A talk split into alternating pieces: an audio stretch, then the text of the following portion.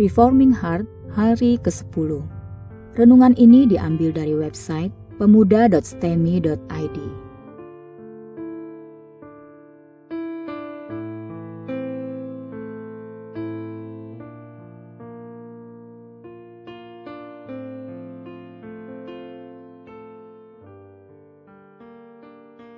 Tema renungan hari ini adalah Saul. Mari kita membaca Alkitab dari 1 Samuel 9 ayat 1 sampai 24. Demikian bunyi firman Tuhan. Saul diurapi menjadi raja.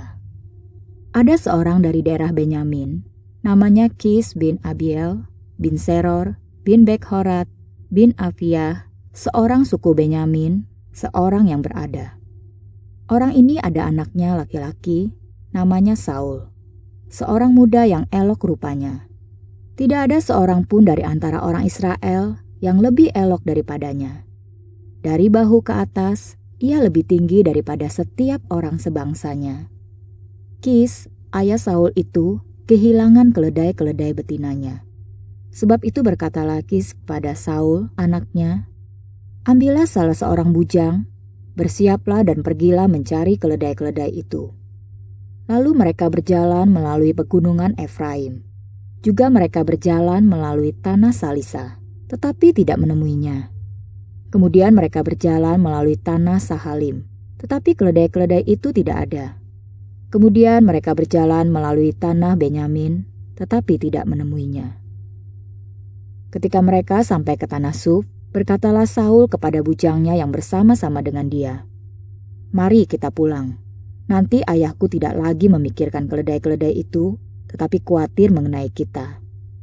Tetapi orang ini berkata kepadanya, "Tunggu, di kota ini ada seorang abdi Allah, seorang yang terhormat. Segala yang dikatakannya pasti terjadi. Marilah kita pergi ke sana sekarang juga. Mungkin ia dapat memberitahukan kepada kita tentang perjalanan yang kita tempuh ini. Jawab Saul kepada bujangnya itu. Tetapi kalau kita pergi, apakah yang kita bawa kepada orang itu? Sebab roti di kantong kita telah habis, dan tidak ada pemberian untuk dibawa kepada abdi Allah itu. Apakah yang ada pada kita? Jawab bujang itu pula kepada Saul, Masih ada padaku seperempat sikal perak. Itu dapat aku berikan kepada abdi Allah itu maka ia akan memberitahukan kepada kita tentang perjalanan kita. Dahulu di antara orang Israel, apabila seseorang pergi menanyakan petunjuk Allah, ia berkata begini, Mari kita pergi kepada pelihat, sebab nabi yang sekarang ini disebutkan dahulu pelihat. Kemudian berkatalah Saul kepada bujangnya itu, Pikiranmu itu baik, mari kita pergi. Maka pergilah mereka ke kota, ke tempat abdi Allah itu. Ketika mereka naik jalan pendakian ke kota itu, mereka bertemu dengan gadis-gadis yang keluar hendak menimba air. Mereka bertanya kepada gadis-gadis itu, "Pelihat ada di sini?" Jawab gadis-gadis itu kepada mereka, "Ya, ada. Baru saja ia mendahului kamu. Cepat-cepatlah sekarang. Ia datang ke kota hari ini, karena ada perjamuan korban untuk orang banyak di bukit pada hari ini. Apabila kamu masuk ke kota, kamu akan segera menjumpainya sebelum ia naik ke bukit untuk makan. Sebab banyak orang tidak akan makan sebelum ia datang. Karena dialah yang memberkati korban. Kemudian barulah para undangan makan. Pergilah sekarang, sebab kamu akan menjumpainya dengan segera. Maka naiklah mereka ke kota, dan ketika mereka masuk kota, Samuel yang berjalan keluar untuk naik ke bukit berpapasan dengan mereka. Tetapi Tuhan telah menyatakan kepada Samuel sehari sebelum kedatangan Saul demikian. Besok kira-kira waktu ini aku akan menyuruh kepadamu seorang laki-laki dari tanah Benyamin. Engkau akan mengurapi dia menjadi raja atas umatku Israel, dan ia akan menyelamatkan umatku dari tangan orang Filistin. Sebab aku telah memperhatikan sengsara umatku itu, karena teriakannya telah sampai kepadaku. Ketika Samuel melihat Saul, maka berfirmanlah Tuhan kepadanya, Inilah orang yang kusebutkan kepadamu itu. Orang ini akan memegang tampuk pemerintahan atas umatku. Dalam pada itu, Saul datang mendekati Samuel di tengah pintu gerbang dan berkata, "Maaf, di mana rumah pelihat itu?" Jawab Samuel kepada Saul, katanya, "Akulah pelihat itu. Naiklah mendahului aku ke bukit. Hari ini kamu makan bersama-sama dengan daku. Besok pagi, aku membiarkan engkau pergi, dan aku akan memberitahukan kepadamu segala sesuatu yang ada dalam hatimu." Adapun keledai-keledaimu yang telah hilang tiga hari lamanya sampai sekarang, janganlah engkau khawatir, sebab telah diketemukan. Tetapi siapakah yang memiliki segala yang diingini orang Israel? Bukankah itu ada padamu dan pada seluruh kaum keluargamu?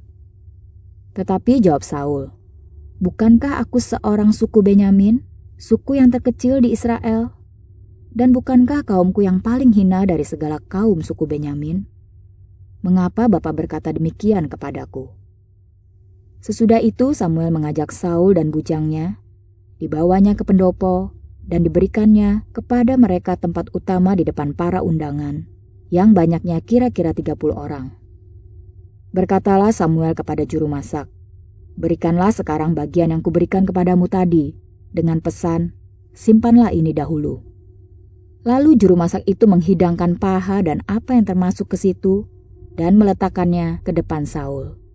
Dan Samuel berkata, Lihat, yang tinggal ini diletakkan ke depanmu. Makanlah, sebab telah disimpan bagimu untuk perayaan ini. Ketika aku berkata, aku telah mengundang orang banyak. Demikianlah pada hari itu, Saul makan bersama-sama dengan Samuel. Mari kita merenungkan bagian firman Tuhan ini. Kitab 1 Samuel kini mengalihkan fokusnya kepada Saul, seorang yang akan menjadi raja pertama Israel. Sebagaimana telah dibahas pada bagian sebelumnya, Saul adalah raja pilihan Tuhan, tapi dia dipilih berdasarkan kehendak orang Israel yang meminta raja. Tuhan memilih seseorang yang akan memenuhi semua harapan mereka, tetapi sayangnya akan gagal memenuhi harapan Tuhan. Saul adalah seorang yang berasal dari suku Benyamin, suku terkecil di Israel. Bahkan kaum keluarganya pun termasuk yang kecil di antara kaum-kaum suku Benyamin. Tuhan memanggil Saul dari latar belakang yang begitu tidak berarti. Allah mengambil apa yang dianggap kecil oleh dunia untuk mengerjakan pekerjaan-pekerjaan yang besar. Allah mempercayakan Saul apa yang sebenarnya terlalu mulia untuk dia dapatkan betapa sederhananya kehidupan Saul. Dia bahkan tidak mengikuti perkembangan politik yang terjadi di Israel. Dia bahkan tidak mengenal Samuel, hakim Israel pada waktu itu. Begitu polos dan sederhana. Inilah kesan yang kita dapat mengenai Saul sebelum dia menjadi raja. Begitu licik dan gila kekuasaan. Inilah kesan setelah dia berkuasa sekian lama. Dikatakan bahwa ayah Saul, Kis, kehilangan beberapa ekor keledai betina. Saul ditugaskan untuk mencari keledai itu. Suatu pencarian yang akan berakhir dengan diurapinya Saul menjadi raja. Ketika harapan mencari keledai-keledai itu makin menipis, pembantu Saul menyarankan agar dia mencari seorang pelihat untuk menunjukkan di manakah keledai-keledai itu. Mereka mencari seorang pelihat dan ternyata pelihat itu adalah Samuel. Bagaimana mungkin mereka tidak tahu kalau itu adalah Samuel? Karena mereka hidup dengan tenang di rumah Kis tanpa terlibat sama sekali dengan segala kerumitan yang terjadi pada para petinggi Israel. Tetapi meskipun Saul hanyalah seorang sederhana yang tidak pernah terlibat di dalam kejadian-kejadian besar di Israel, Tuhan memilih untuk menghormati dia dengan mengangkatnya menjadi raja. Proses pengurapan Saul sebagai raja pun berlangsung dengan cara yang meninggikan Saul. Lihatlah ayat 22. Samuel telah mengundang para tua-tua berjumlah sekitar 30 orang. Ayat 13 mengatakan, semua undangan itu tidak akan mulai makan sebelum Samuel datang. Berarti mereka harus menantikan orang yang lebih terhormat dari mereka sendiri, yaitu Samuel. Baru mereka boleh makan. Tetapi orang-orang itu pasti heran melihat karena setelah Samuel datang pun perjamuan belum boleh dimulai. Lebih heran lagi karena Samuel mengosongkan tempat paling terhormat dan bahkan masih belum mengeluarkan makanan bagi tamu terhormat. Berarti masih ada tamu yang lebih hormat dari Samuel. Siapakah tamu itu? Maka masuklah Saul dengan tujuan mencari keledai. Seorang desa mencari keledai tersesat di jamuan makan para petinggi. Lebih heran lagi karena ternyata seluruh petinggi harus menunggu anak desa ini. Karena ternyata dialah tamu terpenting acara pada waktu itu. Di dalam ayat ke-20 Samuel mengatakan kepada Saul untuk tidak merisaukan keledai-keledainya. Sebab ada hal lain yang lebih penting dari keledai-keledai itu. Hal apakah itu? Yaitu hal diangkatnya dia menjadi Raja Israel. Betapa agung cara Tuhan bekerja. Seperti dalam puji-pujian Hana, dia benar-benar mengangkat orang yang rendah dan mendudukannya sebagai raja di Israel. Kisah-kisah seperti ini membuat kita makin mengenal kebaikan Tuhan. Siapakah Saul? Dia hanyalah seorang rendahan dari kaum yang kecil. Ayahnya mungkin cukup kaya, tetapi secara pengaruh di Israel, dia sangat tidak berarti. Lalu apakah Tuhan tidak tahu kalau Saul mempunyai kecenderungan memberontak kepada dia kalau sudah diangkat menjadi raja? Tentu Tuhan tahu. Tetapi Tuhan tetap mau mengangkat dia yang rendah dan mendudukan dia setara dengan para raja agung dalam sejarah. Dan bagaimanakah cara Tuhan mengangkat Saul? Pertama-tama dia menggerakkan Samuel untuk mempromosikan Saul. Samuel begitu taat kepada Tuhan. Dia tidak membela diri dan tidak membela anak-anaknya yang korup. Dia tidak gila kekuasaan. Samuel tidak seperti Saul ketika nanti Saul sudah berkuasa. Samuel juga tidak mengatakan, "Kepada aku diperhitungkan jabatan hakim, tetapi kepada Saul diperhitungkan jabatan raja. Nanti lama-lama keturunanku tidak dapat jatah kekuasaan di Israel ini. Saul harus mati."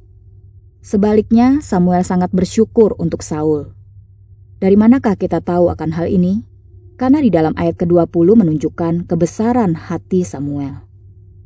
Juga ketika Saul menolak Tuhan, Samuel berdoa kepada Tuhan semalam-malaman demi Saul.